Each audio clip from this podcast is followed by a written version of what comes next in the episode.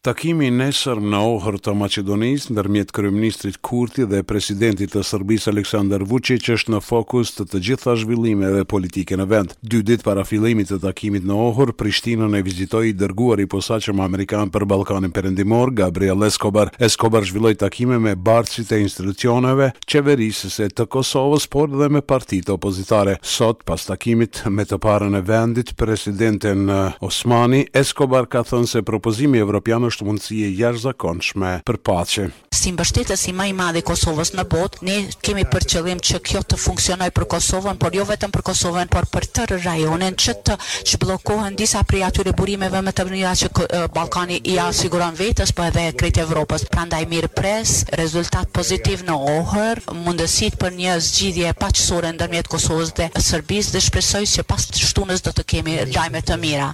Në anën tjetër, presidentja Osmani beson në një marrëveshje të drejtë e gjithëpërfshirëse, ku dy vende trajtohen si dy shtete të barabarta, si e vetmja mënyrë për të siguruar paqe afatgjate, stabilitet e prosperitet në rajon. Çdo tendencë nga Serbia për të penguar këtë rezultat nëpërmjet kushtëzimeve mund ta dëmtojë pastaj tërësisht procesin e dialogut. Pritshmëria ime si Presidente e Republikës është se marrëveshja do të sjellë rezultate konkrete, të prekshme për Kosovën. Rrjedhimisht, do të sigurojë integrimin e Kosovës në institucionet euroatlantike, do të sigurojë integrimin gjithëpërfshirës të komunitetit serb të Kosovës në institucionet e Republikës. Osmani falënderoi partnerët ndërkombëtarë, Shtetet e Bashkuara të Amerikës dhe Bashkimin Evropian për angazhim të vazhdueshëm dhe proaktiv në këtë proces. Diplomati amerikan Escobar është takuar edhe me kryetarin e Kuvendit Glauk Konjufca dhe kryeministrin Albin Kurti. I dërguari i posaçëm i Shteteve të Bashkuara, Gabriel Escobar, të enjten në mbrëmje është takuar edhe me përfaqësuesit e opozitës, kreun e PDK-së Memli Krasniqi, atë të LDK-së Lumir Abdixhiku dhe nënkryetarin e AAK-së Ardian Gjini. Ky i fundit pas takimit tha se temë e diskutimit ishte marrëveshja. Ardian Gjini për TV Klan Kosova ka deklaruar se qëndrimi i AAK-së është që marrëveshja e njëzet e shtatë shkurtit duhet të nënshkruhet, por derisa nuk dihet nëse ka ndryshim të qëndrimit të PDK-së rreth planit të propozuar të BE-së për dialogun. Kreu i kësaj partie, Memli Krasniqi, gjatë ditës së enjte, ka deklaruar për Kosova Press se nuk do ta votojnë marrëveshjen me Serbinë në Kuvend në formën e tillë siç është dakorduar në bazë të planit evropian. Kështu si është, kjo marrëveshje nuk mund të ketë mbështetjen tonë. Pa pasur një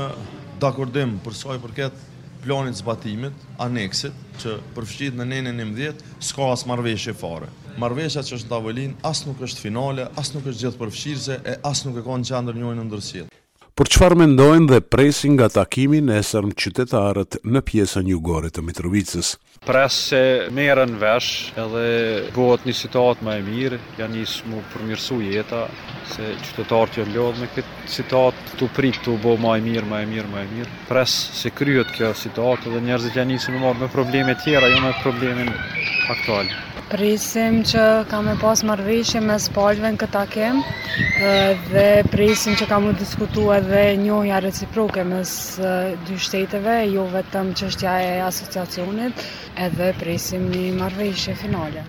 në Strasburg, para Komitetit Parlamentar për Marrëveshjen e Stabilizim Asociimit me Bashkimin Evropian, kryeministri Albin Kurti ka folur për temën më të diskutuar të ditëve të fundit, atë të takimit të tetëmbëdhjetë marsit mes Kosovës dhe Serbisë, që do të mbahet në Ohër. Kurti ka theksuar se Kosova po tregohet konstruktive dhe kreative në këtë proces. Kurti ka folur edhe për liberalizimin e vizave dhe për aplikimin e Kosovës për anëtarësim në Bashkimin Evropian. dhe në Këshillin e Evropës. Si vend kemi treguar se jemi vend që përherë udhëheqet nga vlerat evropiane dhe javën e kaluar kemi festuar vendimin e Këshillit për të mbështetur liberalizimin e vizave për Kosovën. Derisa presim hapat e ardhshëm që përfshijnë edhe pëlqimin e Parlamentit, shpresojmë dhe besojmë se qytetarët tanë kanë për të qenë në gjendje, njëjtë si të gjithë të tjerët nga vendet e Ballkanit Perëndimor, të udhëtojnë pa viza në Evropë, që nga Një janari dy mijë e njëzet e katër, Përveç liberalizimit të vizave vitin e kaluar kemi shënuar një tjetër hap të rëndësishëm në avancimin e marrëdhënieve tona me Bashkimin Evropian. Partia Demokratike e Kosovës para pak orësh ka mbajtur mbledhjen e Këshillit Drejtues të saj në të cilën është diskutuar për situatën e fundit politike në vend dhe propozimin evropian të pranuar tashmë nga kryeministri Kurti. Kryetari i PDK-së Memli Krasniqi i ka informuar anëtarët e Këshillit Drejtues për takimet dhe diskutimet e shumta të ditëve të fundit me akterë vendorë dhe ndërkombëtarë në të cilat është diskutuar për aktualitetin politik. Në fjalën e tij, duke diskutuar për propozimin evropian, kryetari Krasniqi ka thënë se kjo marrëveshje është e pamjaftueshme dhe nuk realizon qëllime shtetërore të Kosovës dhe qytetarëve të saj. Nga një marrëveshje me njohjen e ndërsjellë në qendër, Sot fatkeqësisht kryeministri Kurti i ka sjellë vendit një marrëveshje të përkohshme me Asociacionin në qendër, ka thënë kryetari Krasniqi. Më tej, kryetari Krasniqi tha se vetëm një marrëveshje finale dhe gjithëpërfshirëse, ligjërisht e obligueshme dhe e garantuar ndërkombëtarisht e përqendruar në njohjen reciproke ndërmjet Kosovës dhe Serbisë mundëson paqe të qëndrueshme dhe avancim konkret të integrimit euroatlantik të Republikës së Kosovës. Këshilli Drejtues miratoi pa asnjë votë kundër deklaratën e propozuar nga kryetari Krasniqi në raport me situatën aktuale politike dhe marrëveshjen finale mes Kosovës dhe Serbisë. Për Radion SBS Mendu Hysa, Prishtinë.